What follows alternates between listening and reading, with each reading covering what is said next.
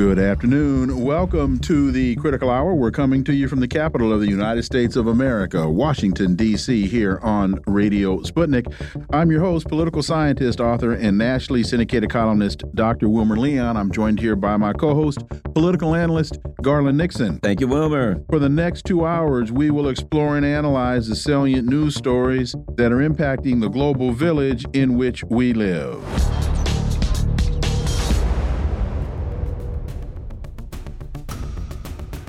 TASS reports Israeli intelligence proposes relocating 2.3 million Gaza Palestinians to Sinai Peninsula. The Israeli government has acknowledged the existence of a document from the country's intelligence services which proposed the idea of relocating the 2.3 million Palestinian residents of the Gaza Strip to Egypt's Sinai Peninsula. This is from the Times of Israel. This seems as though it's always been a land grab. Well, for insight into this, let's turn to our first guest. He's an award winning broadcaster and journalist based in Beirut, Lebanon, Laith Marouf. As always, Laith, welcome back. Thank you for having me. So, Israeli Prime Minister Netanyahu's office called the document a concept paper that outlined only one of the hypothetical alternatives. The paper was dated the 13th of October and subsequently appeared in the Israeli media it outlined the idea of moving Gaza residents to tent cities in the northern Sinai Peninsula, building permanent cities there, and creating a humanitarian corridor.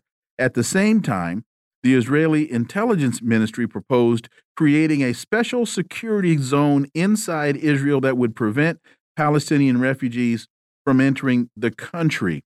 Laith, again, to my point about this has always been a land grab? And also, what does it say about security within Netanyahu's office if such a volatile quote unquote concept paper could find its way into a newspaper, Laith Marouf? Well, I'll answer the second one first. It's clear that it is an intentional leak you know, it is uh, trying to normalize within the Western audience this concept of ethnically cleansing Palestinians from their land. So we have to, you know, sometimes be wary when these leaks come out and understand that they were intentionally released. Um, and uh, on the first question, look, uh, up until now, uh, without removing the Palestinians of Gaza out of Gaza, the Israelis have already killed, uh, you know, upwards of 12,000 because there's 2,000 people under the rubble, um, and have displaced uh, a million and a half people inside Gaza. So the the numbers of displaced uh, Palestinians in this war has surpassed the number of displaced Palestinians in 1948, because in 1948 the Israelis uh, expelled, uh, removed uh, 800,000 Palestinians. Now we're past that number, and we're approaching very fast the number of Palestinians that the Israelis massacred in 1948. So as soon as we reach the 15,000, that that is the number. So you have to understand that this is already a second Nakba, a second catastrophe for the Palestinians that could be bigger than the first one. And, uh, you know, people are seeing this happening live on television this time. So there is no uh, no way anybody can deny that this has happened. But uh, there's and there's nobody in the West that uh, in terms of authorities, uh, regimes, governments, institutions that wants to even stop this, they're all actually finding reasons to allow more of this to happen.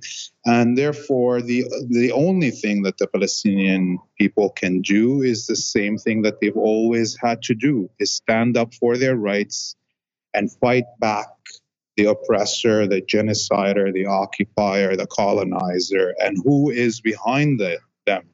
You see, uh, yesterday President Putin said, you know, made a statement that I think is the most severe statement that we've heard from a Russian president ever when he said that uh, you know the the the, the Palestinians uh, are fighting, and the reason the Palestinians are being killed is because they're you know the governments that are behind Israel and that Russia is finding those people in Ukraine right now. So this is aligning right now Russia's future and its battle with the battle of the Palestinian people against the Zionists and the imperialists behind them. And I, you know, we're we're entering right now a stage uh, that is different. And, and of course, everybody's waiting for Sayyid Hassan Nasrallah's speech, the Secretary General of Hezbollah, on Friday to show us what's the next chapter in this battle. But nothing's going to stop. No war is going to stop.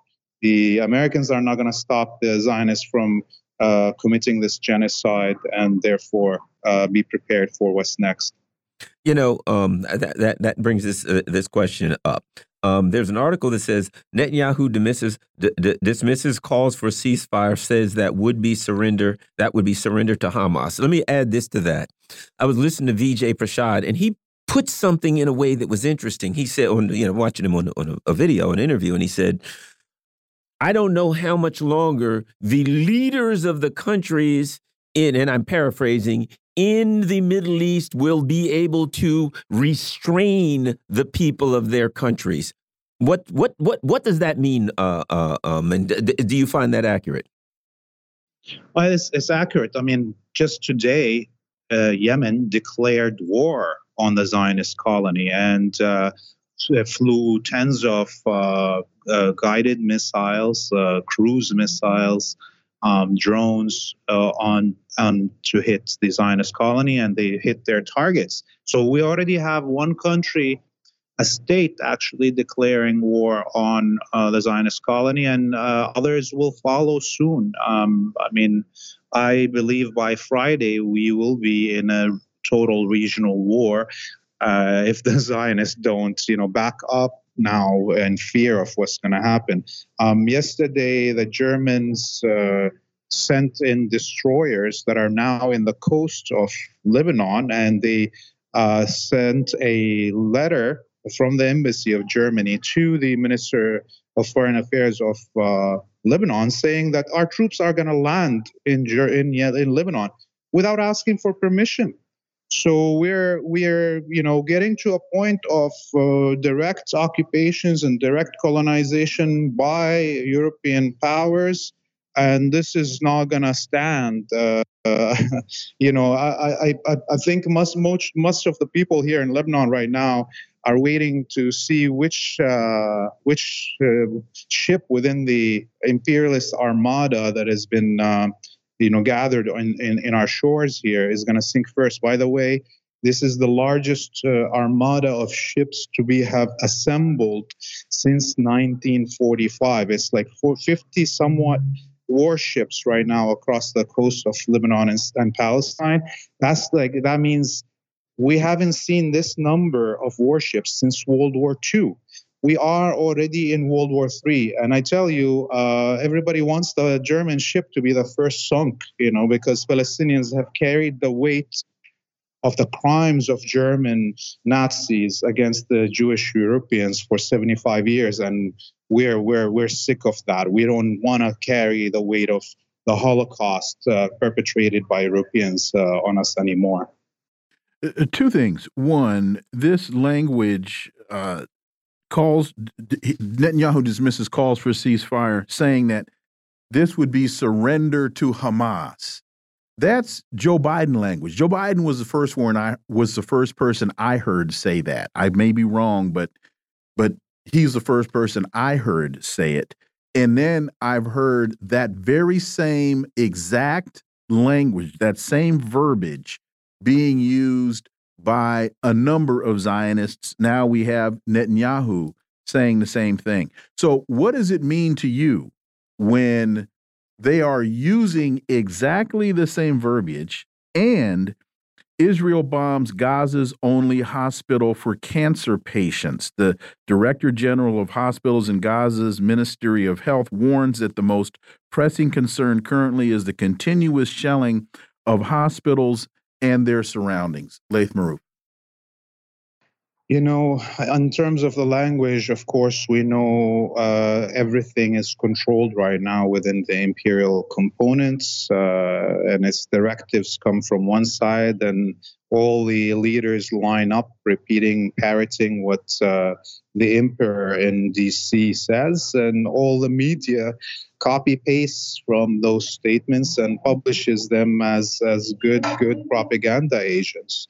So there's no more, uh, you know, everything is very clear now. Uh, there's no sovereignty for any European state. Uh, Israel itself is not sovereign anymore. It has, uh, you know, there's thousands of uh, of Canadian, American, British, French, uh, Italian, German troops on the ground in Palestine. More more Western troops on the ground than than the, uh, the the core of the Israeli military. You know, other if we don't count their reserves. So Israel is has uh, seceded its its sovereignty the minute this war started because they already lost the war, and so you know partially I would agree. Netanyahu uh, has already lost the war. Israel has already lost the war uh, against the Palestinian uh, resistance in Gaza and uh, they don't want to admit it. And uh, they think that killing civilians uh, will somehow give them a, a, a modicum of, of, a win somehow. And uh, as we saw today, the Israelis attempted for the fifth time to enter uh, Gaza by land, and they again got clobbered. And, uh, and as a response, the Israelis not only you know bombed the the only cancer hospital, they also bombed a refugee camp with one of the biggest bombs ever deployed.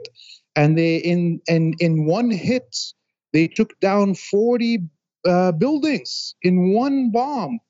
Uh, 600 plus massacred, uh, you know, civilians. Like uh, it's almost as the numbers of uh, a few days ago when they attacked the Baptist um, uh, hospital. So the Israelis uh, have lost this battle. They don't want to admit it. And they want to continue with genocide uh, to feel like they have done something. And uh, of course, the Americans are letting them do that because uh, America cannot also admit that its own forces that have been leading this war since October 7th have already also been defeated. Let me ask you this: There are two part. Uh, you know, when I when I speak of the Muslim world, the Muslim community, there's certainly the political side, and there's the, the, the religious side. Something that I just wondered about, and I figure you know more than I do, considering the the the um that where this situation is. Is it possible that there could be Muslim clerics that could declare well, I don't know, what is it, a fatwa or something like that, that would make it a like religious duty to fight. Is is that am I off base thinking of anything like that? Um, uh, um, it already happened, by the way. The Al Azhar uh, Institute, uh, the theological university, which is considered the highest uh, religious authority in Sunni Islam, uh, made a statement saying it is a duty to uh, aid the Palestinians in, in their struggle in military uh, ways, even to help them. And this comes, of course, from Egypt. Uh, and that tells you that even the Egyptian government, who has been, since they, they allowed the demonstrations la- last week, they have banned any demonstrations. But even then, they're not able to control the religious authorities of Al Azhar uh, Mosque and University. And uh, and when you hear that, you know this this represents the biggest uh, sections of uh, Muslims, you know, uh, uh, communities. And so you have that. You already have the Shia clerics.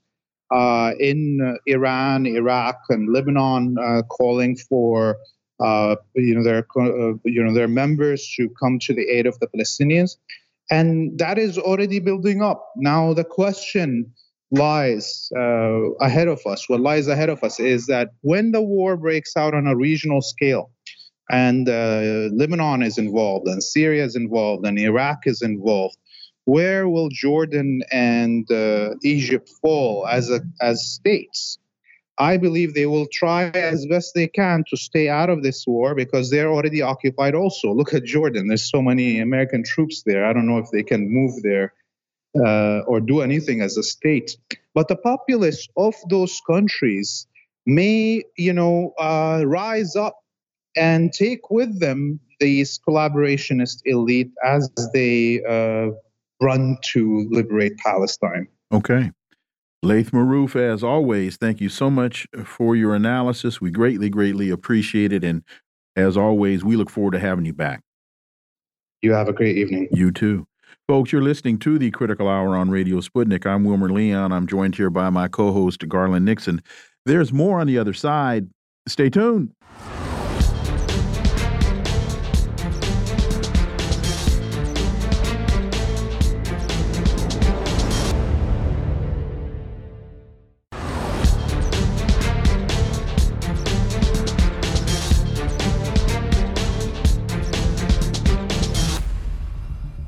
Are back, and you're listening to the Critical Hour on Radio Sputnik. I'm Wilmer Leon, joined here by my co host, Garland Nixon. Thank you, Wilmer. Sputnik reports Germany must be prepared for war in Europe, defense minister says. Germany must prepare itself for a European war, according to Defense Minister Boris Pistorius. And this sounds like escalation, not preparation to me. For insight into this, let's turn to our next guest. He's a Moscow based international relations and security analyst, Mark Sleboda. As always, Mark, welcome back. Dr. Leon Garland, thanks for having me. It's always an honor and a pleasure to be on the critical hour. Quote, we have to get used to the idea that there may be a threat of war in Europe, the minister said. Germany must be able to defend itself. We must be prepared for war. Mark, I guess so. If you're allied with a militarist nation that will even go so far as to engage in acts of war against you, I guess you better be prepared. Hey, they've already been attacked. exactly. Nobody told them. Exactly. Uh, that was my first reaction. Uh, really? So, well, mean, are, are, they talking about Kiev or the U.S.? That, well, pick one. The Nord Stream pipeline. uh, pick one. Uh, but again, this this sounds, in all seriousness this sounds like escalation, not preparation, Mark Sleboda. Yeah, I mean, on one level, uh, you know, uh, quite obviously, um, this is a continuation of rhetoric that we have heard from this German government. We have heard Annalena Baerbock openly discuss uh, with EU Council members that the that uh, Europe is at war with Russia, to to which she received applause. So this type of uh, militant rhetoric, um, the uh, almost unfathomable um, attempt by the uh, Baerbock Scholz government to push Germany into the Israeli Palestinian conflict on the side, firmly on the side of Israel, is is it's new for Germany. This is not the same Germany uh, of the last you know three decades or or even longer. Um, so uh, quite obviously, they are attempting to push Germany into military conflicts that, quite frankly, according to the German military's own assessment, they don't have the ability to field. All right. Um, uh, we, we already had uh, the uh, Kiev regime in Ukraine returning German tanks that were sent because they're not operable. Um, uh, uh, Germany itself has reported that at only one third of the tanks they have on paper uh, are capable of being used in combat. Um, and they are at an extremely low rate of, of military preparedness. And they have announced these grandiose plans about the creation of a hundred billion dollar fund for military modernization. And they um, further uh, uh, made the promise, uh, you know, publicly and to NATO, that they would, for the first time in decades, meet the NATO strongly suggested two percent uh, of their government's budget to be spent uh, on military uh, spending, um, at least two percent of which, uh, by the way, only a handful of, of countries in Europe have ever met. Germany has never even come close to meeting it. And so, you know, this is part of that rhetoric. But I think you also need to follow the money. You need to look mm-hmm. beyond the rhetoric that Germany is pushing and see what they're actually doing. And meanwhile, we get reports like uh, this out of Politico and other outlets uh, in in just in the past uh, uh, two months, um, Germany backtracks on defense spending promises made after Ukraine uh, uh, invasion, um, and it uh, it details how um, Germany actually um, this hundred billion dollar fund uh, for military modernization has never actually materialized, and they're only promising to uh, put a very small amount of that, the first tranche of it, which still hasn't even been uh, actually spent.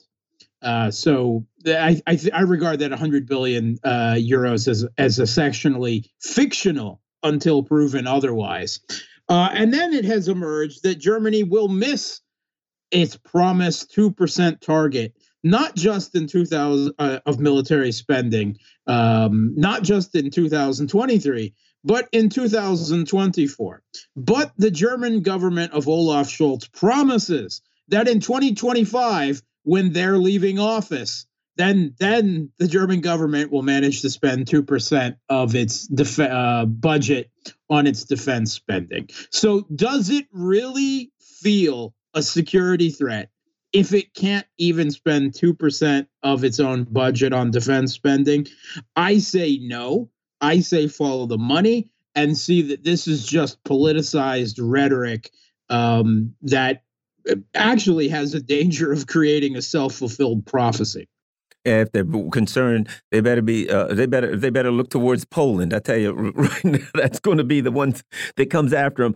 According to Slovak Prime Minister Robert Fico, I hope I got that right. Social media post: The attendees of the European Council meeting received Ukrainian President Volodymyr Zelensky's speech with a sense of apathy. Apparently, his speech has flopped. What's up, with that, Mark Sleboda? Yeah. Um, so this is, uh, you know, I think part of a problem that European uh, countries are sensing that uh, the U.S. attention is both divided now with Israel and the the pro-China war lobby screaming for for uh, arms for Taiwan, um, and you know is starting to find uh, some ruptures itself. And more than anything else, it's simply that whatever they've done, which is you know the limit that they feel they can do, they're beginning to understand that it's not enough. That that they simply can't produce enough without shifting to full scale war economies themselves to make a difference. Um, and I be I think out of a sense of guilt over that, perhaps they are turning uh, a, increasingly turning a cold shoulder to Zelensky uh, because they don't like to be reminded that you know they've been spending money on on a losing horse uh, at this point. Um, and it, it it goes you know a, a bit further. We, we've seen this article in this cover in Time magazine um, where uh, where the government um, officials that spoke to Time speak of Zelensky as deluded, and the cover is "Nobody believes in in uh, Ukrainian victory like I do," and then in even bigger letters, "Nobody," and it presents Zelensky as basically a crazy man, uh, and evidently uh, he is furious uh, that this article was approved and spoken to by members of his own administration. Uh, so I, I, think people, even inside his own government in Kiev, are starting to see that light that is fast approaching at the end of the tunnel that is an onrushing train. Quote, I wasn't surprised to see that Zelensky's address at the European Council meeting was met with indifference. Times are changing. Not too long ago, he received applause everywhere. But now, in some legislative chambers, they don't even allow him to speak, like what happened in the United States, stated Fico. He also mentioned that there was tangible fatigue in the discussions on Ukraine within the European Council. Uh, that, uh, Mark Sleboda, I believe, is about as telling as as it can get. And I just wonder, and I don't even know that I don't know. There's any there's no empirical data for this.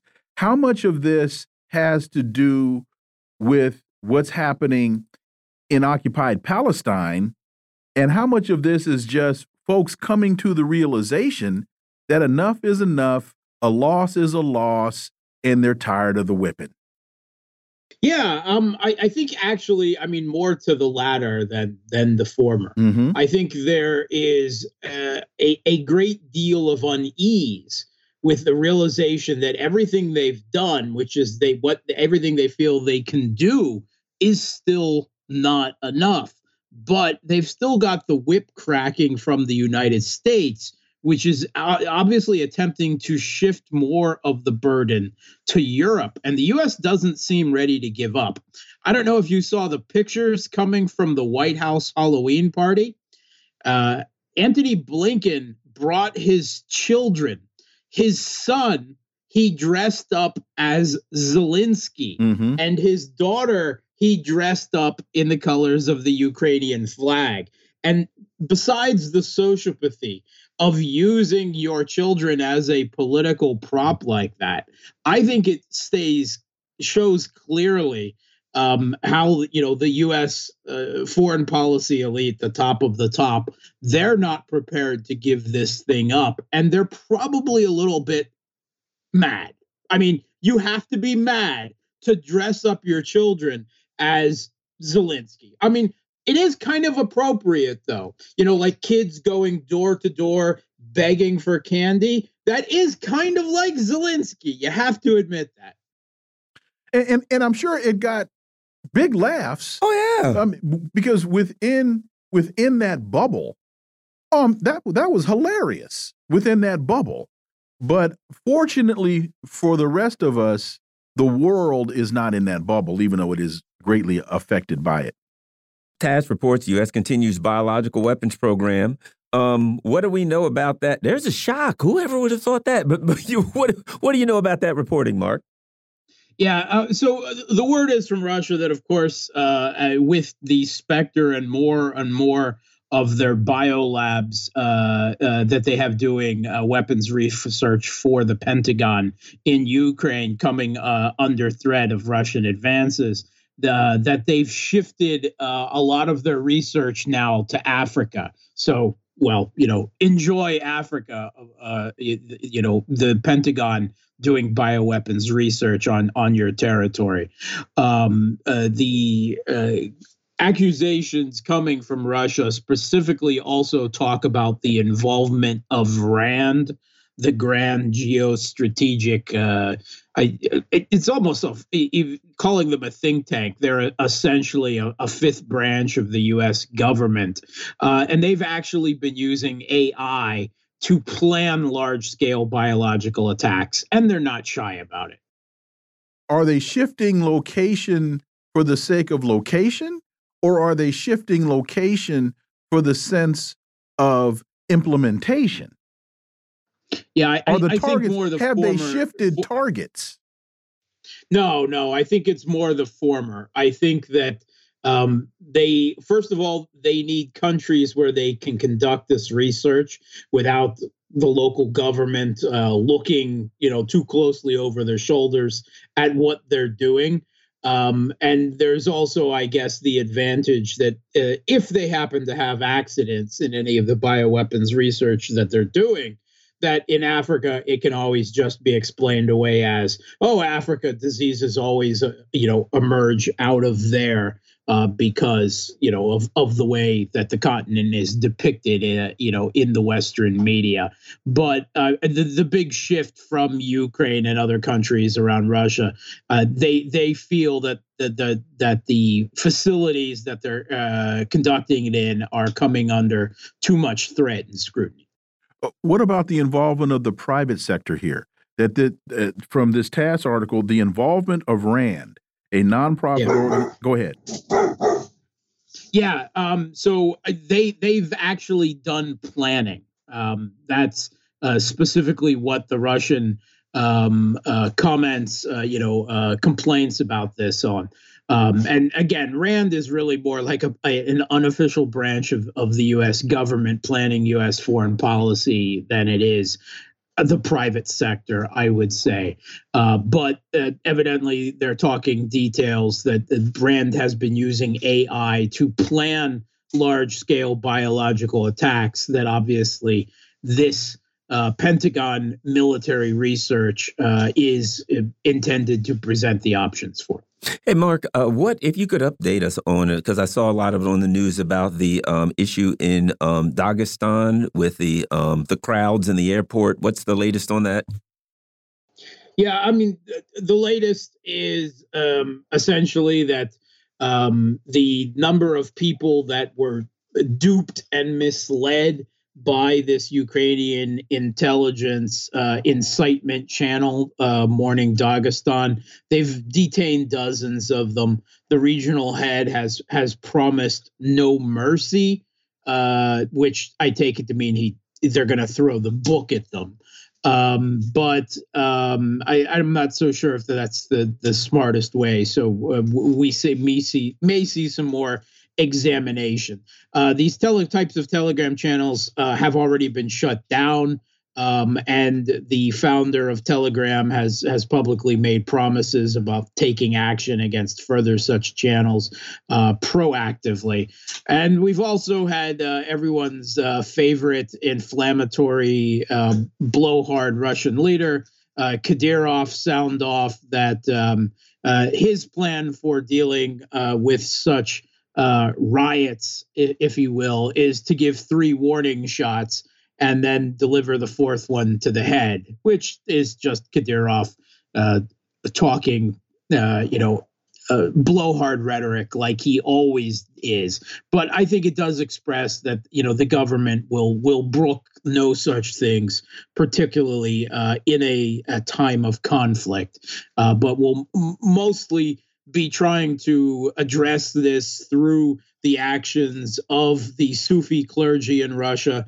The Council of Muftis has made multiple statements um, saying that anti Semitism is a form of racism and is unacceptable under Islam, and that you to do to blame all people of an ethnicity or a religion for the actions of a few is what Israel is doing, what the government in Israel is doing, and uh, that uh, Russian Muslims should not stoop to that level, that that type of violent response is not the answer. Mark Sleboda, as always, thank you so much for your time. Greatly, greatly appreciate that analysis, and we look forward to having you back. Thanks for having me. Folks, you're listening to the Critical Hour on Radio Sputnik. I'm Wilmer Leon. I'm joined here by my co host, Garland Nixon. There's more on the other side. Stay tuned.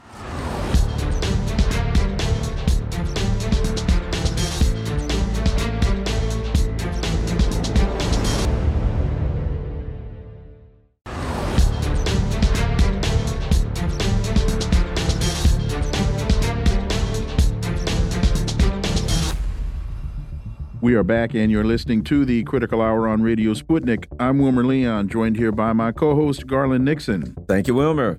Al Mayadeen English reports Ron DeSantis pressures Florida colleagues to ban pro Palestine rallies. DeSantis orders two state universities to dissolve chapters of Students for Justice in Palestine for allegedly violating state laws prohibiting anti Semitism.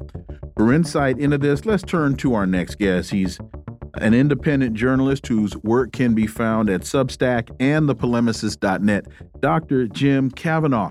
As always, Jim, welcome back. Thank you for having me. Quote You have a right to go out and demonstrate. but you can't provide material support to terrorism. They've linked themselves to Hamas. It's not a First Amendment issue. That's a material support to terrorism issue, DeSantis said. Once you've hitched your wagon to a group like Hamas, that takes you out of the realm of normal activity, and that's something that we're going to take action against. So, we believe we're totally justified within the law. Dr. Kavanagh, material support is a legal term. It's not it's it it's it's not open for debate. There is a legal definition of material support or resources. And here's what it means. Any property, tangible or intangible, or service, including currency or monetary instruments of financial securities, financial services, lodging, training, expert advice or assistance, safe houses, false documentation or identification, communications equipment, facilities, weapons, lethal substances, explosives, personnel, one or more individuals who may be or include oneself, and transportation except medicine or religious materials. That's the legal definition of material support. I submit to you that DeSantis doesn't have a clue about what he's talking about because speech is not listed in the definition or referenced in the definition of material support or resources, Dr. Jim Kavanagh? Well, I certainly agree with you. Uh, I hope uh, the courts agree with you, and I hope they bring suit against this and get damages for it. Uh, the one, the one little word in in the, the definition that you gave, intangible, is the only thing he can hang anything on here. Uh, but it would be outrageous. I mean, you can say I support anybody, and even if they're terrorists, the fact you say say that doesn't constitute giving them material support. It's completely outrageous. It demonstrates the absolute hypocrisy of these right wings, right wingers who claim to be uh, in favor of free speech, but have been, you know, the, the, the free speech of uh, and the, the freedom of political association of anti-Israeli and anti-Zionist people and pro-Palestinian people has been for years now been uh, abrogated by the by governors who passed these laws about you have to sign a contract swearing your fealty to Israel and never you'll never participate in any boycott of Israel in order to get a job with the state or a contract with the state. So this is, you know, again, this is an example of, you know, they, they're they're for free speech only for the things they want. And really, uh, Ron DeSantis is defending not free speech but Israel and the Zionist project, and he's the one who's giving material support. He sent uh, war materials to Israel on, I don't know whether it was his dime or the state's dime. He said it was through a private, uh, private uh, airline or aircraft who paid for them. But he's the one who's providing material support to what I would consider terrorism that uh, that Israel is doing and killing 7,000 people and 3,500 children. One can only, I mean, uh, war crimes are war crimes, and collective punishment which is what Israel is subjecting on Palestine, that is collective punishment and that is a war crime. That's correct, 100%. Uh, American politicians will never, uh, or media even, will never uh, allow that discussion to be had fairly. You know, uh, um, this this brings me back to during COVID. You know, when uh, um, DeSantis was saying, oh, people are being censored on YouTube or whatever, or Twitter, or blah, blah, blah about COVID. And not that he didn't have valid points, but I knew people who were lefties that were like, yeah, DeSantis isn't all that bad. I might vote for this guy. And I'm like, uh, no, no, no, no, no. Because someone may agree with you on one issue doesn't mean that this person is not going to be the worst possible uh, option when it comes to so many other issues. And when you look at DeSantis now, he goes out of his way. I recall this when there were people who were um, uh, uh, protesting against racism and things like that. DeSantis is the one that wanted to pass rules that you could run them over with a car. Remember that that you could literally kill protesters and you wouldn't be charged. So this this to me aligns with where DeSantis has been all along. Um, Jim. Yeah, absolutely. Yeah, I remember that. So running people over with cars. So yeah, there. Uh, you know, he. This is a problem everybody has now, and it's a real problem, and we can't get around it. You know, there are people from all sides of, I didn't want to say left, right, whatever you want to call it, who have really good positions about things that are really important and really terrible things about positions that are really important. You know, Bobby Kennedy Jr. is the perfect example of this. So, and it, you know, you've got to decide what your deal breakers are. And, you know, it, it, uh, seeing people on Twitter saying, oh, yeah, okay, now Biden is supporting genocide, but it's only not, literally seeing it's only 98% genocide. Trump would be 100% genocide. So you got to decide which genocide are you supporting? You know, which genocide is. There are some issues that are deal breakers, no matter what else they're doing. And everybody, a lot of people have that, and people have to make decisions. And you have this situation now with, you know, it was easy for me and you, uh, Garland, to see that DeSantis was not going to be consistent about any free speech stuff. Uh, but you know, we're in this situation now where uh, this particular issue, this is a huge issue, and it's an issue of genocide and ethnic cleansing, and it's hard to say, oh, we're going to relativize that in relation to other things. But you know, this is what everybody's going to have to do now: decide how they're going to relativize things. If I said this in in 2000, uh, I don't know, eight, uh, uh, 2012, the election of 2012. If if if both candidates were out there saying, "I'm going to reinstitute slavery, but for short people, not black people this time. What else? You, you start saying, oh, that's all right, we'll, we'll discount that and don't pay attention to it and look at the other things. That's a deal breaker in itself. We don't want anybody who's doing that. You know what I mean? And this is the kind of situation you have. So many people in the world, uh, I'm one of them, the genocide of the Palestinians is not only just because I don't like it, it's immoral, but it's tremendously dangerous in the world. It's the cause of much of the of the of, of the conflict in the world that is never going to stop until the Palestinians get justice. You mentioned a, a 98% genocide. That, that's a kinder, gentler uh, genocide, which which I think people should probably yeah genocide Joe. That's, Gen that's his name for. Uh, UK official. This is from RT. UK official fired after urging Gaza truce. Truce. The prime minister's office said the staffer violated the cabinet's rule of collective responsibility. UK Prime Minister Rishi Sunak has fired a ministerial aide for calling for a permanent ceasefire in Gaza. Oh my goodness, what an atrocity. Yeah, it's calling, for peace. Calling can't have peace. that. What, what is wrong with this man? London has stopped short of urging for an end to the war, proposing only limited pauses to allow aid to reach the Palest the Palestinian enclave. Um, I'm chuckling, but that's that's just so disgusting. Uh, uh Dr. Jim Kavanagh, and and and and also put that in context. In there are tens of thousands of people in the street in London protesting, supporting Palestine. I know, I know, and they're, they're all anti-Semites.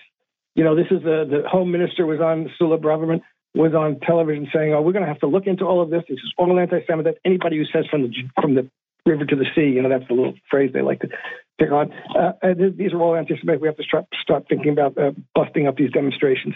But this is look, this is the Western world. It will Israel and Zionism. They have a practically libidinal attachment to it, uh, and they're going to go down with this. They're, they're going to they're going to support this to the hilt more than Ukraine, which was extremely important to them.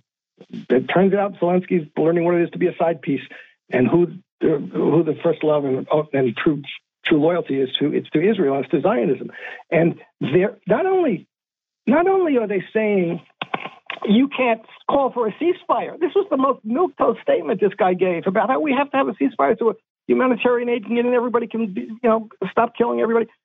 But you have to. DeSantis saying you can't give material support to to to, to uh, the Palestinians. But you must give, not only can you not be pro Palestinian, you must be pro Israeli. You must take the position no ceasefire.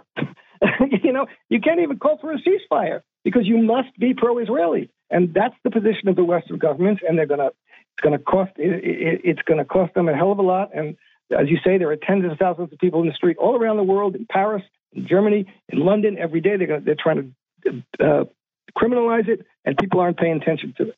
And everybody knows what's going on. And they, what they have to try and do is shut down the discussion. That's what they are trying to do. And, and Garland, understanding what's happening internationally with these protests, the 4th of November, this coming Saturday, there's going to be a, protest in Washington, D.C. And it'll be very interesting to see the, the turnout that, that, that, that we get in D.C. Yeah, I think so. Uh, uh um, um, Jim, let me ask you, uh, what do you think about this? I see this as something, and this is just intuitive to me. This is, it feels like this. This is a thought that popped in my mind. It seems to me this is what they did to black people and Native Americans in the U.S. That's just a, intuitive. I'm, I, I just thought this pretty much seems like what they did what they did to black folks and and might I add they got to the Pacific Ocean they put their left blinker on and they headed on down to South America and genocided the uh, indigenous people in South America every chance they got to Jim Kavanagh well what's happening to the Palestinians absolutely is what happened to the Native Americans in the United States uh, and uh, and and what's happened you know it's a colonial situation the Palestinians are a colonized people. The colonizer must exterminate, expel, or subjugate the colonized people. They exterminated um, uh, eight, seven, eight hundred thousand of them in 1948. It wasn't enough. There's still six plus million around. They wanted. They, they, they, they tried subjugation for 75 years, but they can't subjugate them enough to keep them quiet because oppressed people revolt. They do. It's going to happen, especially in the 21st century you know, and 1947, 48, the Western powers thought it was okay to have one more shot at colonialism for the, the Jewish colonialism, uh, and the Palestinian Arabs didn't really count that much, and we can just dispense with their they're dispensable, their lives and their ambitions and their, their dignity is dispensable, but that's over, and and you know this isn't going to stop. So unless they now that having you know failed at the process of subjugating them into passivity, the Israelis have to try and exterminate or expel mass numbers of them. And that's what they're doing. And the world is watching this. And people who are watching this are, are you know, they're, they're what, what you want to know what you would have done in, in the case of the, the, the extermination of the American Native Native Americans. You're you're doing it now. You want to know what you have done in the face of Jim Crow, slavery, Jim Crow. You're doing it now. You know, uh, Hamas operation was no, was a lot less deadly than the Nat Turner, Nat Turner Rebellion, the rebellions of the Haitian slaves, John Brown, and nobody would sit around today and say, "Oh, do you condemn Nat Turner?" You know, I mean, that's not the issue. Uh, the, the violence of the slave system, of the colonial system, is what produces the violence that's going to happen all around. It's going to continue to happen until the colonial system is done away with. And what the United States now is put its military and all of its politicians and all of its media on the side of the colonial system because there was an uprising against it. You mentioned that colonizers' job is to subjugate the colonized. And international law is very clear that the colonized slash oppressed can use any means to, at their disposal to resist the oppression slash colonization. That's not me making this up. That's stated very, very clear international law. Now, I don't condone, I don't accept individuals that are targeted, individuals that die as a result of these conflicts. But one must, one cannot avoid the reality that these are the ugly realities that come to the forefront when you try to colonize a group of people. They are going to resist and they are going to use all means at their disposal to resist. And uh, that, uh, what did Don Corleone say? This is the life we've chosen. This is what he said in The Godfather. This is the life we've chosen. This is the life they have chosen. And these are the results that they're going to get. Dr. Jim Kavanagh. And you know, the Israelis say that. The Zionists in Israel say that. They know what they're doing. and they know that this is the problem. They they they have to, you know, they have to exterminate or expel a lot of Palestinians quickly, all at once, or it's never going to stop. All of the violence that comes out of the colonial system or the slave system, both the day to day terror and violence of slavery and colonialism itself, and the eruptions of violence in terms of anti colonial and anti slave revolts that are going to be nasty, no question about it, are the effects of the slave system. But the terror of the anti colonial, anti slave revolts are orders of magnitude less than the terror of the slave system and the colonial system itself, as we are seeing today. 8,000 plus people killed, 3,500 children at least in couple of weeks. You know, this is disgraceful. And they're deliberate, and they know it because they, they say it. We, have, we are fighting against the Palestinian people. We're not fighting against Hamas. Hamas. We want to make it impossible for the Palestinian people to live or to live where we don't want them to live. So if, if they won't leave we're going to kill them right there. That's what the Israelis are doing and must do. And, and let me quickly correct myself. It, it was Hiram Roth character, the character of Hiram Roth in Godfather 2 that said that it wasn't Don Corleone. Oh, okay. Um, and um, uh, let me add this: Al Jazeera, complete censorship. Germany's Palestinian diaspora fights crackdown. Here's here's the. Let me ask you this: I think this issue is going to tear number one, the Democratic Party apart. Young people ain't for it. A lot of people of color. Um, we're starting to see a revolt. I think internally, the level of violence is going to take its toll politically on the U.S. empire. Um, how far the government can go away from its people and a political party can go away from its constituents. The numbers say that a plurality of Democrats want a ceasefire, and that is not going to get smaller. What do you think about this thing tearing the guts out of the U.S. empire's political system at some point if it continues, Jim?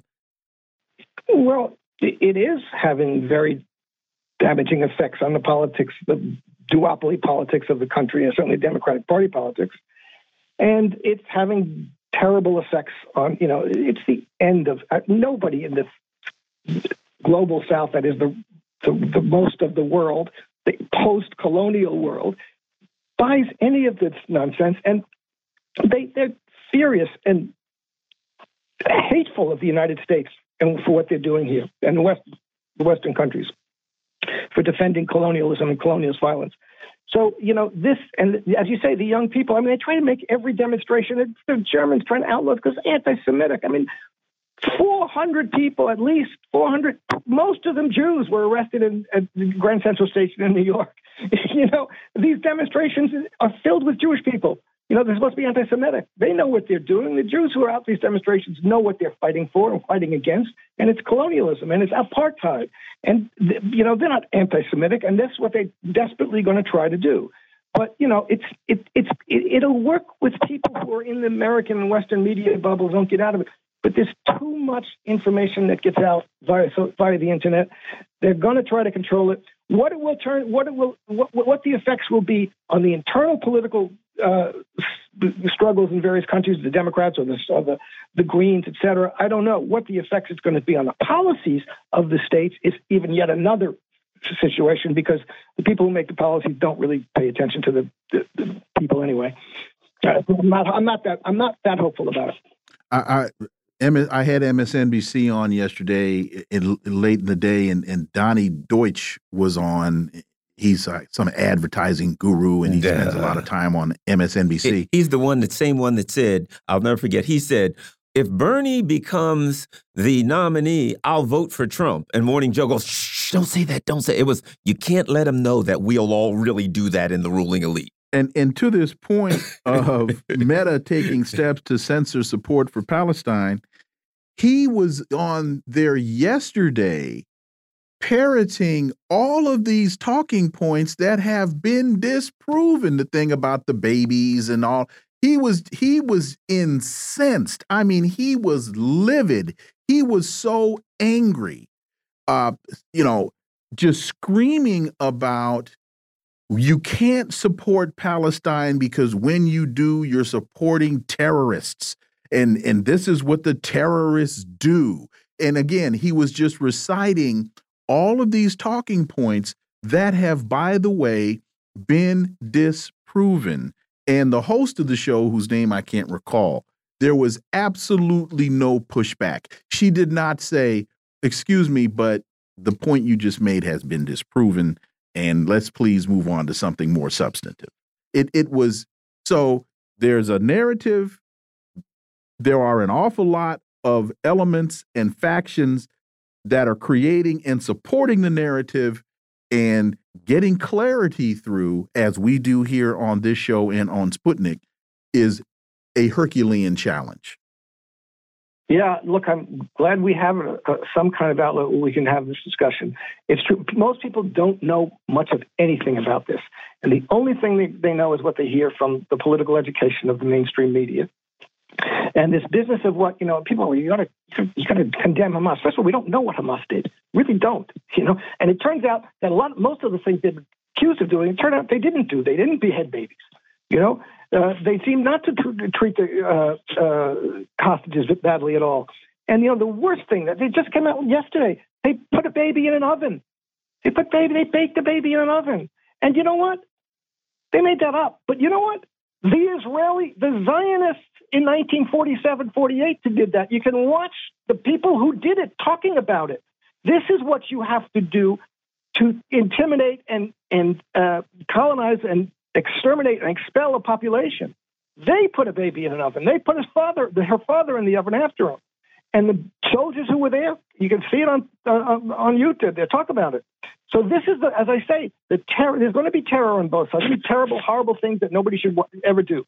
But the the the, the, the terror and the, the violence of the colonial system of what it takes to intimidate, expel, and subjugate six million people is much greater than the than the terror of the the revolts against that system, which are the revolts to try to end a, a system of constant terrorism and violence.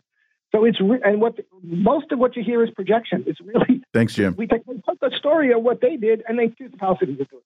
Dr. Jim Kavanagh, as always, thank you so much for your time. Greatly, greatly appreciate that analysis, and we look forward to having you back. Folks, you are listening to the Critical Hour on Radio Sputnik. I'm Wilmer Leon. I'm joined here by my co host, Garland Nixon. There's another hour on the other side. Stay tuned.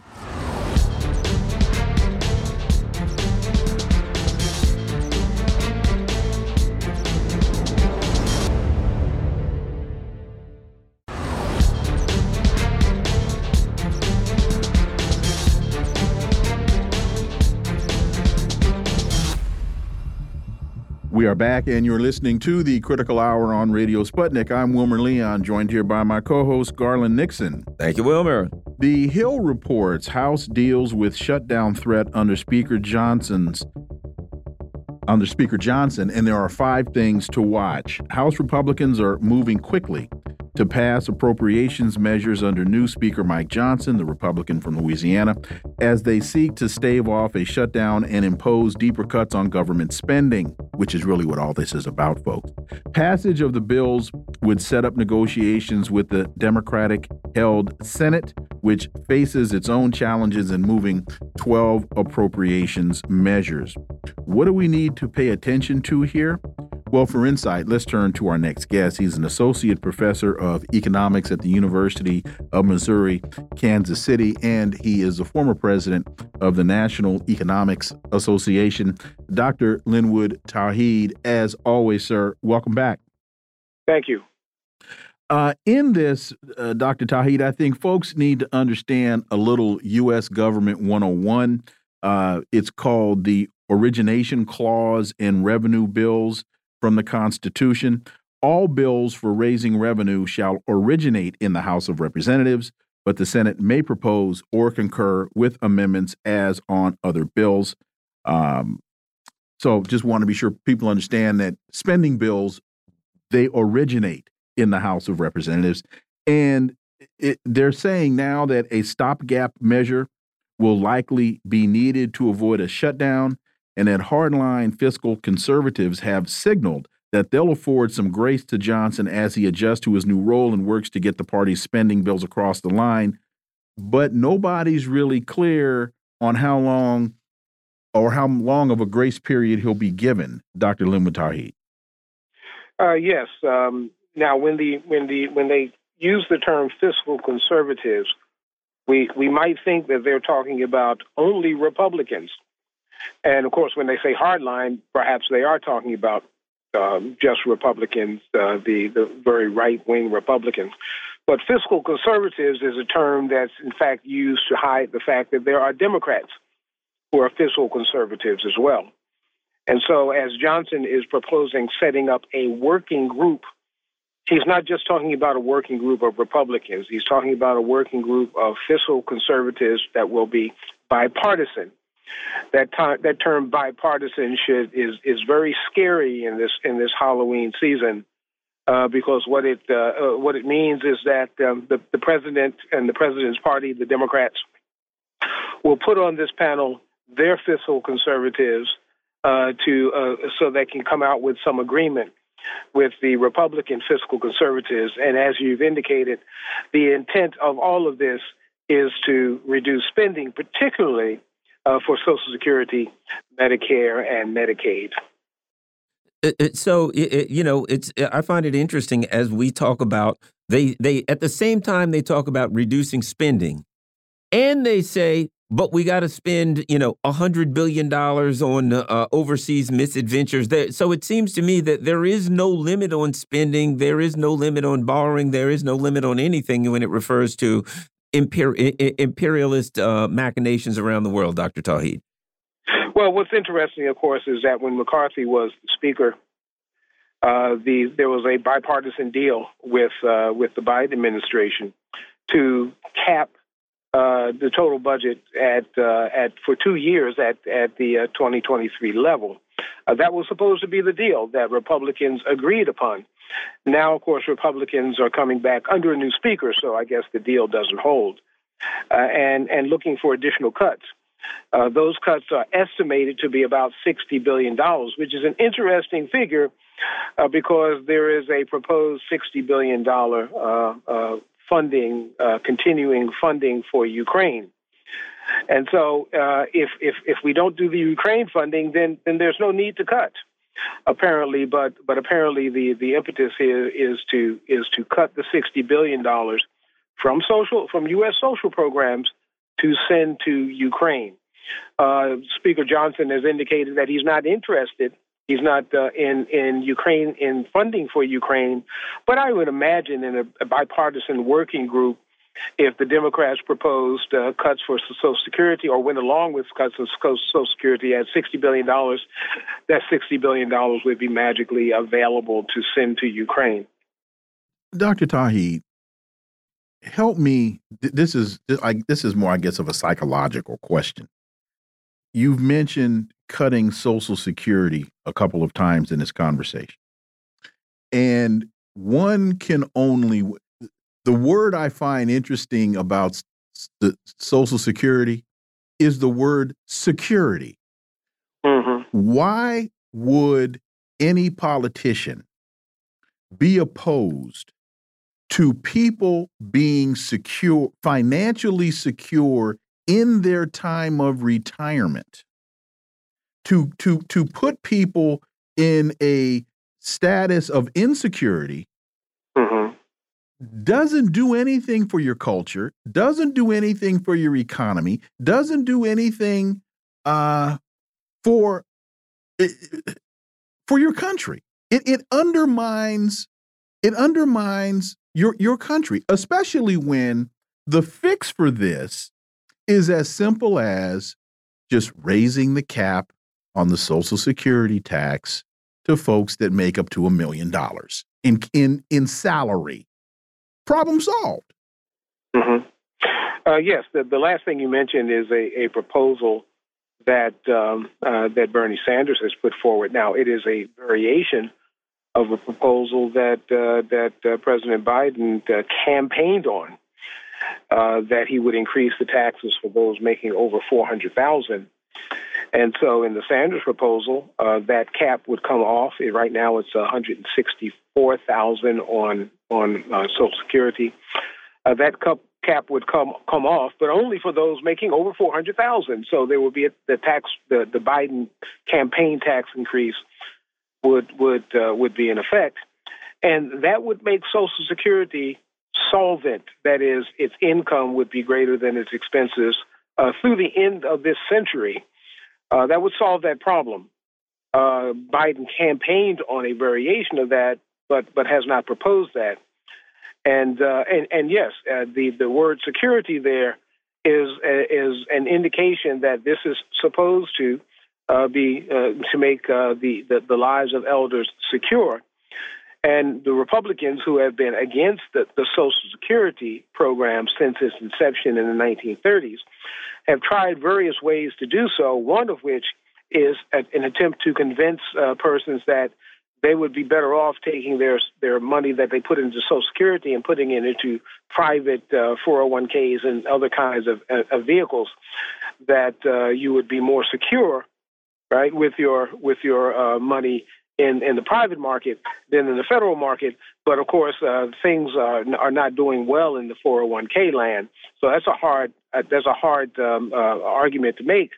What they are making is simply that we don't have enough money to to make uh, the, to to uh, fulfill the security obligations of the United States, or or that money needs to be taken from one place. Uh, uh, sent into the military budget, which means we don't have enough money for the other things.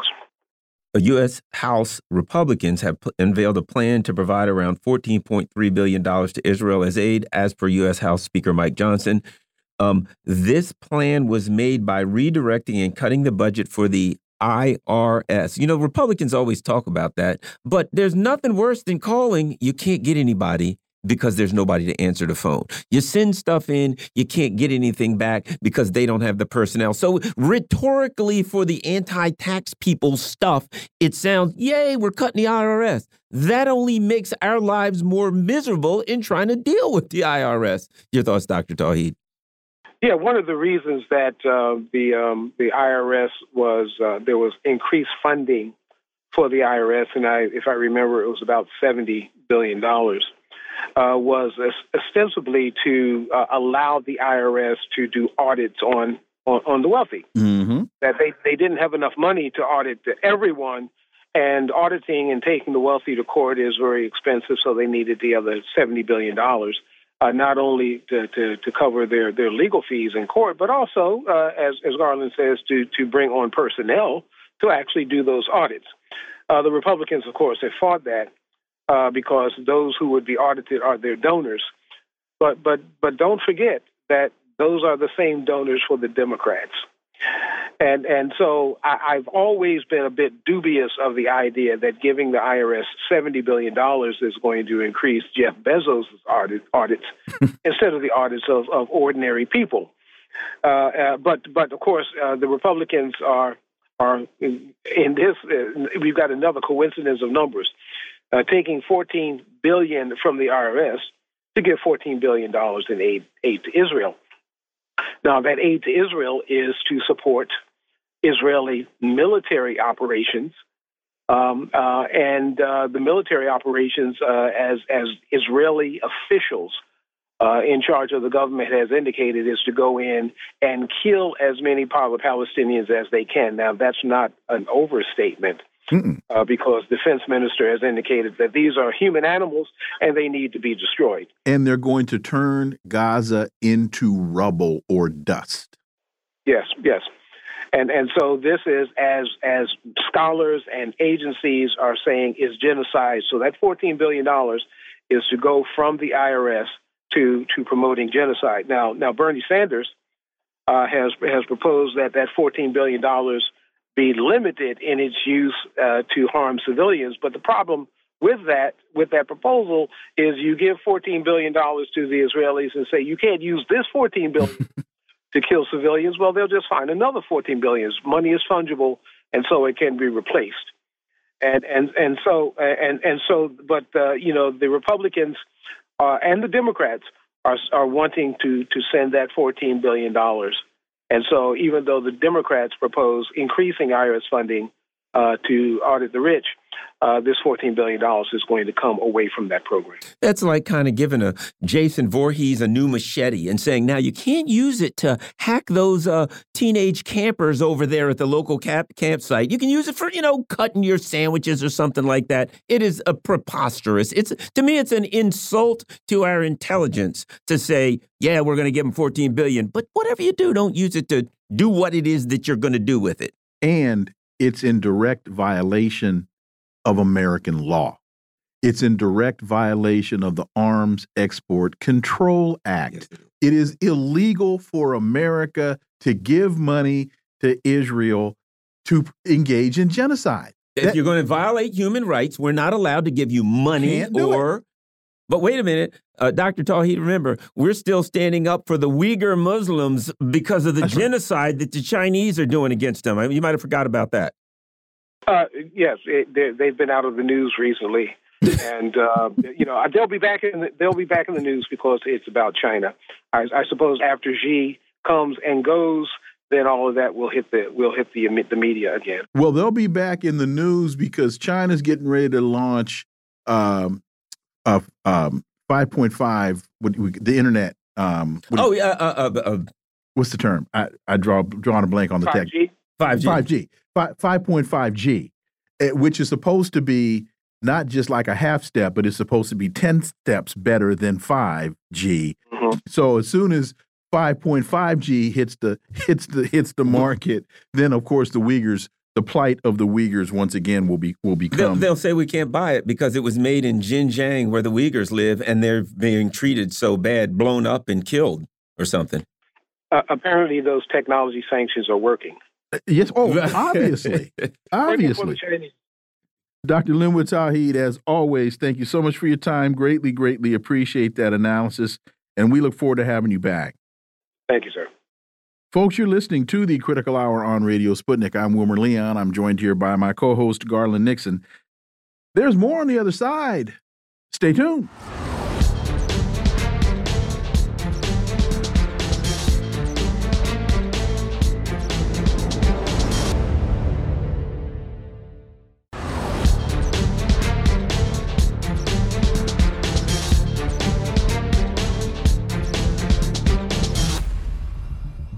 We are back, and you're listening to the Critical Hour on Radio Sputnik.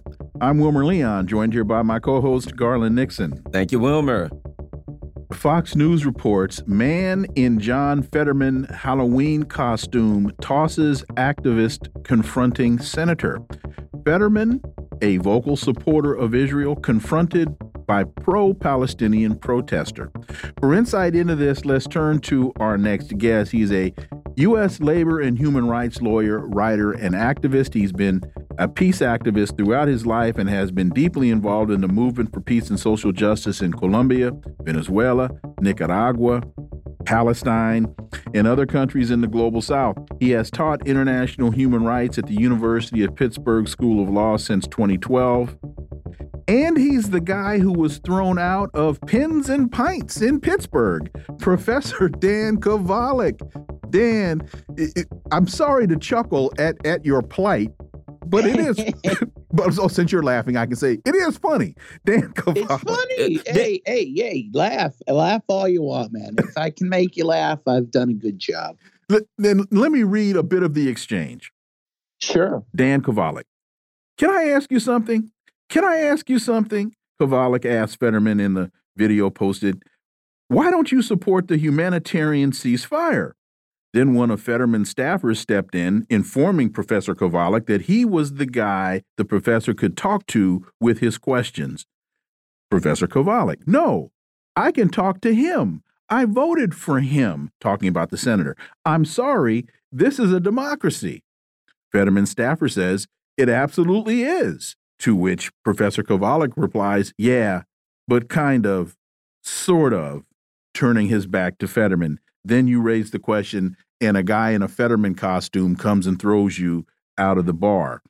Uh, and and folks can go to Fox News and they can see this entire exchange because it, it was videoed.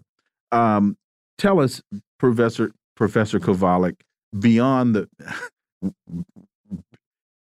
as much as we chuckle, it was incredibly, incredibly telling and incredibly uh, pathetic, Professor Kovalik. Yeah, well, I mean, so first of all, it was a ticketed event. It was a um, fundraiser for uh, a woman running for county councilor named Sarah Innamorato, who I've already voted for by mail and ballot, hosted by Senator Fetterman. And you could buy a ticket to go meet Senator Fetterman and Sarah Innamorato, which I did. I, I, I spent $25. I bought a ticket and I went to the event. And um, Senator Fetterman walked in, and I noticed no one was around him. No one was talking to him. So I went up to him and I began the exchange that's mentioned in the article. Uh, beyond what's mentioned in the article, I, I, continued a little bit and I said, look, you know, uh, even the Pope and the you know UN are supporting a humanitarian ceasefire for Gaza. I said 10,000 people died, half of them are children. I said, you know, um, I said, "You're a nice guy. You're a good guy. I voted for you. You know, but you you got to support this. People are dying." And at that, I'm just without warning, they they throw me out. They just push me out across the room and out the door. And then Fetterman walks away. By the way, I tried to give him a flyer. he wouldn't take my flyer. Um, so that was it. You know, I raised the wrong question, obviously and uh, and that was it. So anyway, I posted that video that a friend of mine took on Twitter. It has now gotten 8.7 million hits. And that's what led to the Fox News story. There's also a Newsweek article. Anyway, hey, I made my point. So no regrets, of course and and thank God you weren't injured. Yeah. Well, you know, Dan, here's something. Uh, you know, I commented on a while back, and this brings this back to to me. I watched a video, and I think it was like Rashida Tlaib was one of them. Another one was AOC. Another one was some guy in um in uh, New York, where it might have been Ramirez, but at any rate, where constituents their constituents came to them and asked them about Ukraine and said, Look, I'm worried about this. Oftentimes they were reasonable. They were not, you know, uh, disruptive. And they said, We've got an issue here. We're afraid you're leading us into nuclear war. We want you to stop providing weapons. And they said something reasonable. And either their the assistants or staff would just usher the person out. They would ignore them. They'd suddenly stop. And I looked at it and I thought, we have gotten to a point where our government is so far removed and opposed to what the people want, they can't even have a, a conversation with their constituents anymore because they are so outrageous. Your thoughts? Yeah, no, it, it's absolutely true. And again, you, you go back to the founding of the Republic, and they wanted to make it clear this is not a monarchy, this is a democracy, but they act like monarchs. They act like they're special people, right? And, and the irony here is that Fetterman ran as the friend of the little guy. He's a he, he, was the mayor of Braddock, which is a very depressed steel town right outside Pittsburgh, and he may you know he wears a, a, a hoodie even in the Senate. He he he managed to get the the. Uh, dress uh, code changed in the Senate so he could wear a hoodie. It's you know he, he, honestly he's kind of a poser, but the point is he pretends to be a regular guy defending the little man and then, uh, you know, a little man like myself gets a ticket to an event where I feel I, I thought I could freely talk to the senator. And literally, he, before he even, he never said a word to me but he gave a nod to his guy, basically saying, "Throw the bum out." you know, like I told him twice, I voted for him, and uh, I guess he was saying he doesn't want my vote. I mean, it's it's incredible. You know, it's well, incredible. I, I also think that a big problem here is that Fetterman knows he's on the wrong side of the issue, as in many instances, these elected officials because they have to uh, be sure that well he who pays the piper calls the tune. So they have to be sure that they're consistent with the interests of their benefactors. But he but he know he knows he's on the wrong side of the issue. And so for him to engage in any kind of conversation i won't even put it in the context of a debate for him to engage in a conversation with you about this position puts him in a bad spot knowing that whatever he says, as was with this in instance, in instance, wound up being recorded, and he doesn't want he he he can't afford that. Dan Kovalik. Yeah, and I guess again, and I know he gets a lot of AIPAC money, so obviously, as you say, he's giving into that. And again, I guess he made the calculation he'd rather offend a voter and and Correct. well at this point I guess he wasn't counting on this and maybe 8 million other people that have seen the video than lose the money from AIPAC, right? So that was his decision. I mean, obviously he could have taken a different tack. Uh, if it were me and someone brought up an uncomfortable question um, that I disagreed with, I suppose I could just say, you know, I appreciate you. I appreciate your ideas. Thank you. I'll take that under consideration and leave it at that. Right. I mean, the idea that you, you throw the guy out before even saying anything to the guy, even shaking his hand, he never shook my hand, nothing. It's to me, it's amazing. And again, it really does show contempt for his constituency. He doesn't mm-hmm. feel the need to pay any respect at all um, to people. So there you have it. Now, again, he has reaped the whirlwind a bit here. I think that he's been very hurt politically by this because it has gone viral. I, it's my sense that the vast majority of people who've seen the video think that he was in the wrong. Um, but you know, he hasn't really even bothered to answer for it. The other thing he could have done in the moment, he could have one gone up to me, kind of followed me out the door and said, "Hey, sorry," you know, and mm-hmm. had a conversation, or he could have a couple days later called me or had a staffer call me and say, "Hey, you know, sorry about that, but you know, the senator would love to hear what you have to say." Nothing like that happened. Again, he he doesn't even feel the need to patch things up, despite the horrible publicity he's getting from this. You know, um, Dan, I think going into this election year, it's interesting because when you look at America, you know, a plurality of Democrats now um, agree with you. We need a ceasefire. Even many that support Israel's right to defend it, blah, blah, blah, all that stuff. But they say, uh, you know, this uh, violence has to stop. We need a ceasefire. This is uh, unreasonable. I think, particularly a lot of young people, we've got people on college campuses now. The campuses are trying to shut people's mouths. I think this is going to, to some extent, tear the Democratic Party to pieces going into an election year. What are your thoughts? Well, yes. In fact, the poll I saw was that, you know, a majority of Americans want a ceasefire. And amongst those, 80% of Democrats do. 80%. I mean, the Democrats are going heavily against their own base on this. You've seen unprecedented levels of protest on this. There were protests in Dallas, Texas, huge protest in the Lone Star State. Can you believe it? I mean, the tide has turned, it has turned on Palestine in a way that I think the Democrats we're not ready for, are not ready for, and neither are the Republicans ready for it. Because let's make it clear this is a bipartisan issue. Today, Mike Johnson, the new speaker, he uh, approved the $14 billion military aid package that Biden requested, approved that to go to the Senate. Now, he did delink it from Ukraine, which is good in the sense that he's not going to give a blank check to Ukraine, but he and the Republicans and the Democrats are going to give a blank check to Israel. And of course, the $14 billion is th- over three times more than the U.S. sends in a year to Israel, because that's between like three and four billion dollars. And Biden, in one bite, with both parties supporting him, is going to send 14 billion. I mean, that is just incredible. And again, with no debate, it's just and that and let's and, and people need to realize that was the first thing they did when the new speaker was elected, right? While, mm-hmm. while there was a period with no speaker, there was no business being done at all in the House.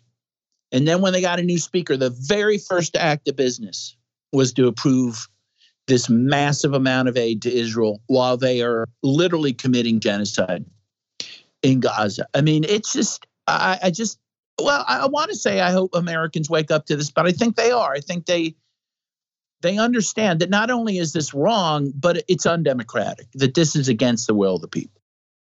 I think it's also important for people to to really understand. You mentioned how many Democrats are opposed to the to the United States underwriting uh, ethnic cleansing and genocide in in in occupied Palestine. It's also a matter of uh, even American Jews are against a lot of American Jews are against this the the United States backing these atrocities because this is has a lot less to do about Judaism and everything to do about Zionism. This is a political issue. This is not a religious issue. It is disguised as such, but it is about Zionism. It is not. And another point about Fetterman, and I hope I can say this succinctly and not offend anybody. He's a guy who has sought and and rightfully deserved a lot of considerations because of his mental health issues. He need when he needs time off from the from the Senate, he can leave the Senate because he deals with depression and he's got to find the space to successfully do so. The change of the rules as it relates uh, to to his uh, to the apparel requirement has to do with giving him a concession as it relates to his mental health issues. So here's a guy that, on the one hand, wants an awful lot of consideration and wants people to take his circumstance into account that will give him the space he needs to operate. But at a political event in his in his hometown of Pittsburgh, talking to a constituent, he's got to throw you out of the bar. Am, am I wrong to to to to to to, make that point? No, you're you're absolutely right. And again, I, I find it very what I find is very educational and instructive that it happened. Again, you know, it's really not about me. What I, I think it, it, though it is emblematic of a greater problem, and that is the lack of political discourse in this country, the lack of political debate, and the lack of true dem- democracy. Right? We and the lack of empathy and sympathy. Yes, yes, and empathy. Right, as you say, here's a guy amongst above anyone else probably in Congress who should have empathy um, for, uh, for, the suffering people of Gaza in particular, but also for his constituents and whatnot. And he showed a complete lack of it, you know. But again, because they feel completely shielded from the population, mm-hmm. they don't feel connected to the population at all. I think once, especially you reach the U.S. Senate, you really are in a bubble, right? Oh, no you question. are in, a, in an exclusive country club. Uh, we, I, am not throwing, I'm not throwing you out, but we got to get out, Professor Dan. Okay, I understand. Thank you for having me on. I appreciate it. My man, take care, folks. You're listening to the Critical Hour on Radio Sputnik. I'm Wilmer Leon. I'm joined here by my co-host Garland Nixon. There's more on the other side. Stay tuned.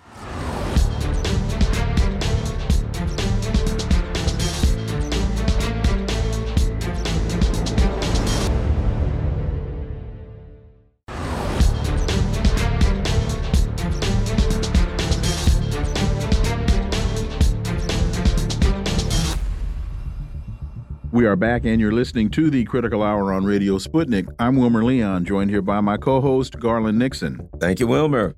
South China Morning Post reports Wang Yi urges Europe to be pragmatic in China ties during talks with senior French diplomat. China hopes Europe will adopt a more pragmatic and rational approach in its cooperation with Beijing, Chinese Foreign Minister Wang Yi said in a meeting with senior French diplomatic advisor Emmanuel Bonne. For insight into this, let's turn to our next guest. He's retired from a global advisory services firm where he advised clients on their China strategies and business operations, educated at MIT, Stevens Institute, and Santa Clara University. He's the founder and former managing director of International Strategic Alliances, and he's currently a board member of Freshfields, a novel green building platform. George Koo, as always, welcome back. Gentlemen, thank you very much. Nice to be back.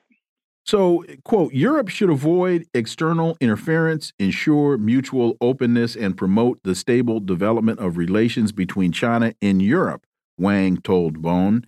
uh, diplomatic council to French President Macron in Beijing yesterday. Uh, George, this sounds like very sage advice, but we see even in Germany, they're saying they must be prepared for war in Europe. Um, this sounds like escalation, not pragmatism. And I hear Wang Yi saying, look, you need to be pragmatic here. You need to understand a new reality here. And France is saying, nah, we're going to stick with the with the old game. Uh, that doesn't seem to be working very well. George Koo.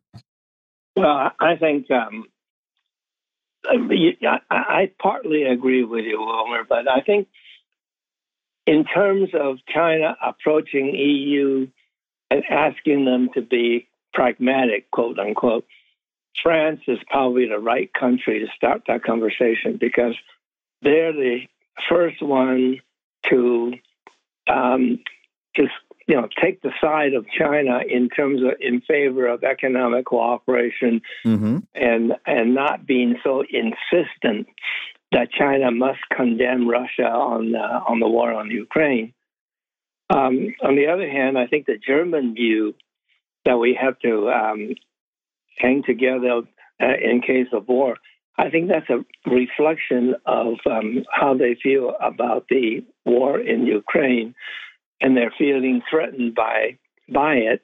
Um, and that's that's where we are. But but on the other hand, I think um, the timing of making EU at least shift their attitude in part, I think the timing is excellent mm-hmm. because what we are seeing now after the, the Hamas surprise attack and the Israeli uh, reprisal is that the, the U.S. is increasingly, um, if you excuse the expression, more and more looking like a paper tiger because they are stretched and they really are not able to play the role of a powerful hegemon that can dictate terms and, and impose world peace. They're just not credible, and, and nobody, you know, hardly anybody is listening to what the U.S. is saying at this point. What's interesting about what about your your comment, and, and, you know, I've been reading people say it a different way, and that is, you know, the U.S. If you remember, they said uh, Vladimir Putin is isolated. You know, the Chinese are isolated, Iran's isolated, everybody's isolated. In the UN now, Russia and China are aligned with the the so-called isolated countries are aligned with the rest of the world, and the one country sitting over there vetoing no ceasefire, etc., that is actually isolated is the U.S. empire. Your thoughts, George? Yeah, yeah, you're and you're right, and yeah, even Australia, probably the most loyal lapdog for the U.S even they abstained on that resolution that um, that U.S. vetoed in uh, vetoed in the uh, uh, the recent UN uh, resolution. They, you know, they are. You have to sympathize in a way with the U.S. because they are in a no-win position. Um, the, on the one hand, they like to talk about rule-based international order and human human rights and, and so on and so forth.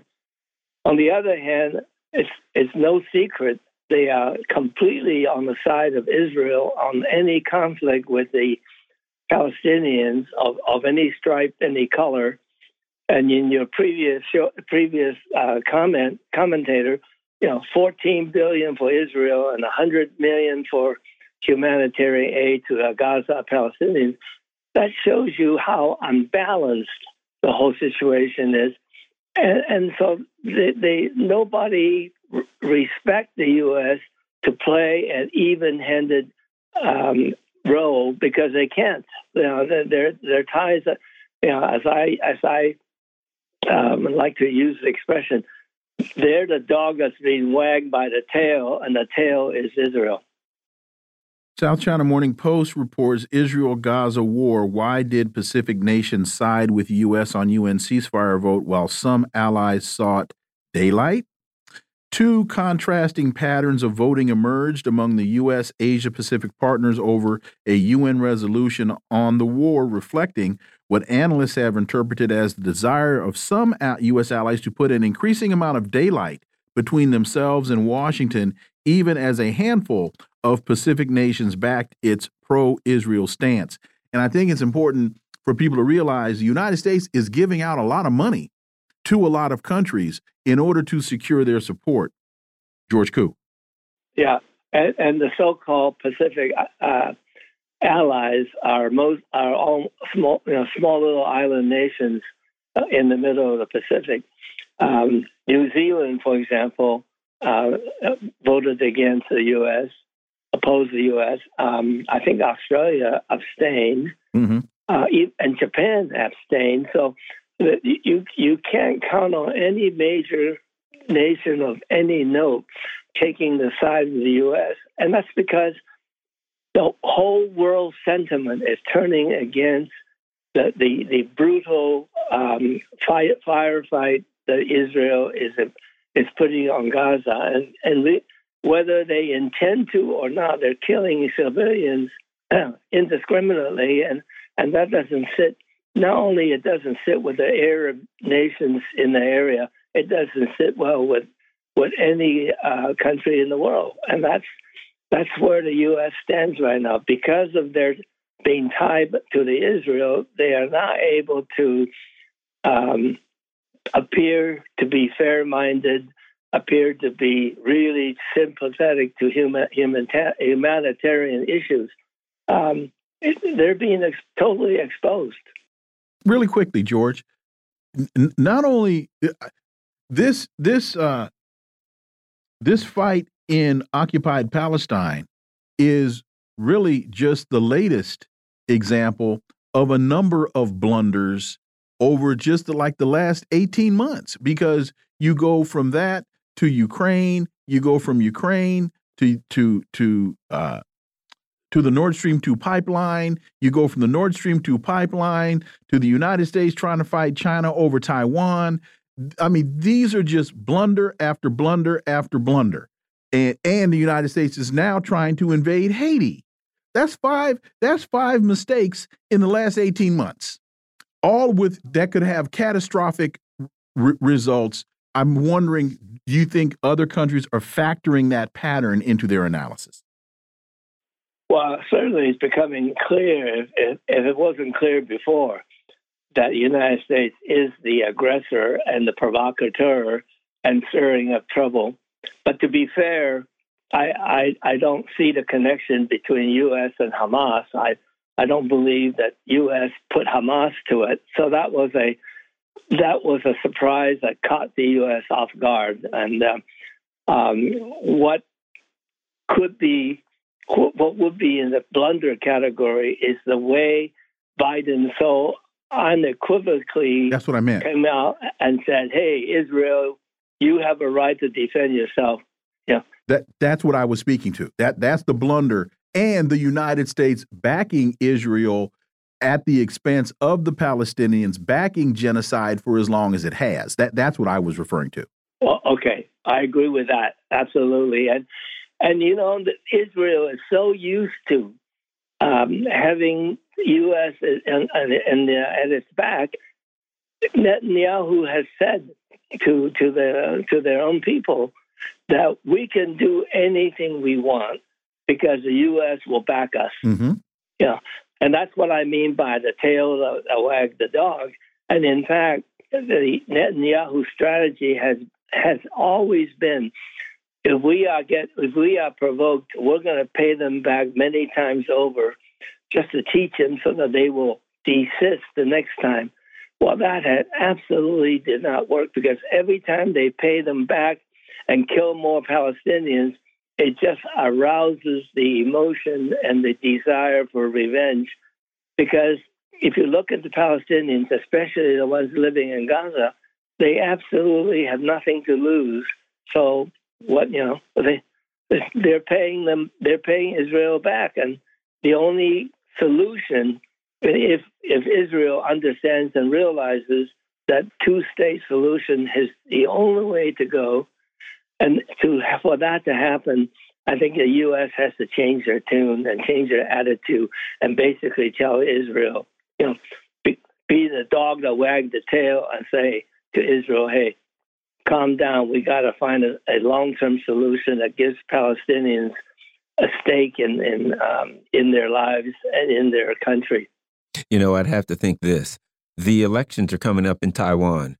I would think the people of Taiwan would have to look at Ukraine, see what's happened there, and see that the United States just woke up one day and said, "Oh yeah, we're done with that. Let's move over here." The people of Taiwan have to see what what lies ahead if they get entangled with these fools. George, got about you a know, minute. Yeah, you know, I, I'm, I'm a friend of mine in New York. I met with Ma Ying-jeou when Ma Ying-jeou came uh, to the U.S. recently. And Ma Ying-jeou, as you know, was the previous president of Taiwan as one that's most amenable to finding ways to get along with the mainland China. And Ma Ying-jeou basically said, you majority of people in Taiwan have no interest taking on uh, the uh, PLA, have no interest in following the U.S. lead. It's the current government that is tone deaf and feels that they need to um, be the front for the United States and be showing the hostility to uh, to the mainland, and that that you know if that government disappears and goes away, I don't think there's any chance there's going to be any conflict um, over the Taiwan Strait unless the U.S. creates a Tonkin Gulf uh, fiasco of some kind. George Koo, as always, thank you so much for your time. Greatly, greatly appreciate that analysis, and we look forward to having you back. Thank you, gentlemen. Folks, you're listening to the Critical Hour on Radio Sputnik. I'm Wilmer Leon, joined here by my co host, Garland Nixon. There's more on the other side. Stay tuned.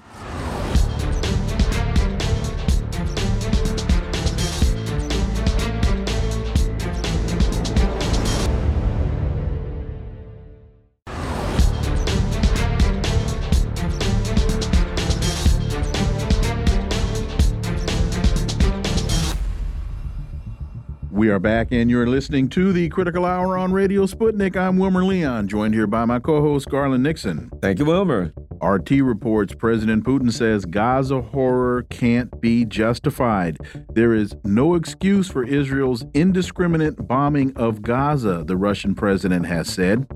He has condemned the ongoing bombing campaign waged by Israel against the Palestinian enclave of Gaza, stating it cannot be justified by anything. For insight into this, let's turn to our next guest. He's a political cartoonist, syndicated columnist, and co host of Sputnik's The Final Countdown. Ted Rall, as always, welcome back, Ted. It's great to be here. Thanks. So, the president made the remarks yesterday as he delivered a speech ahead of a closed door meeting with members of the Russian Security Council and heads of law enforcement agencies. Quote The horrible events currently unfolding in the Gaza Strip when hundreds of thousands of innocent people are getting indiscriminately annihilated, have nowhere to run, nowhere to hide from bombardment, cannot be justified by anything, President Putin said. You know, it, it's interesting, Ted, to listen to those comments coming from the man who the West just utterly vilifies at every opportunity that he gets, uh, that the, that that the United States gets. Oh, he's crazy. He, I mean, you know, any any uh, invective you can find, and here he is, the the adult in the room, the reasonable voice on the international stage. Ted Rall. Well, you know, what matters is he's right.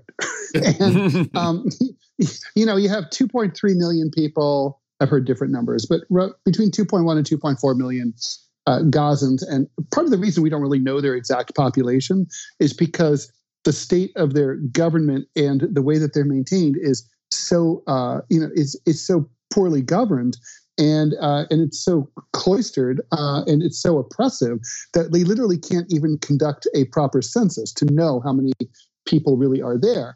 And anyway, the point is, well over two million people are penned in and uh, in this concentration camp. I'm not going to say open air because uh, open air implies that there used to be concentration camps that were not open air. It's a concentration camp, and and basically it's it's a turkey shoot. There's it's sort of like um, you know, when Dick Cheney would go to the place where the quails would be released in a fence, and then he could, like at leisure, go and shoot them. Uh, that's what the Israelis are doing. And, his friends as well. He could shoot his friends, his friends at the same time. If, 40 so 42 plus percent of all housing stock in Gaza has been uh, bombed, destroyed. Um, you know, that's over a million people homeless just like that. Um, they've been pushed. I've been to Gaza. Um, the people are being uh, urged and forced as refugees to flee into the south. Um, the south is where there's, uh, you know, it's scrubby, it's close, it's where the beginning, the desert starts to begin towards the Sinai. There's not much there. And that's why people who lived, most people lived in the north. And so it's not sort of geographically, uh, they're being pushed out from the north, but demographically, um, that's most of the population. If you if you take people out of the south, it's sort of like useful to think about Manhattan. Um, you know, it's about the same size, about the same population, and the same dimensions as Gaza, but more people live in lower in the lower half of Manhattan than the upper half of Manhattan because the buildings are taller. Well, so it's like if you ask everybody to move from the more populous area down to the less populous area, it's like that.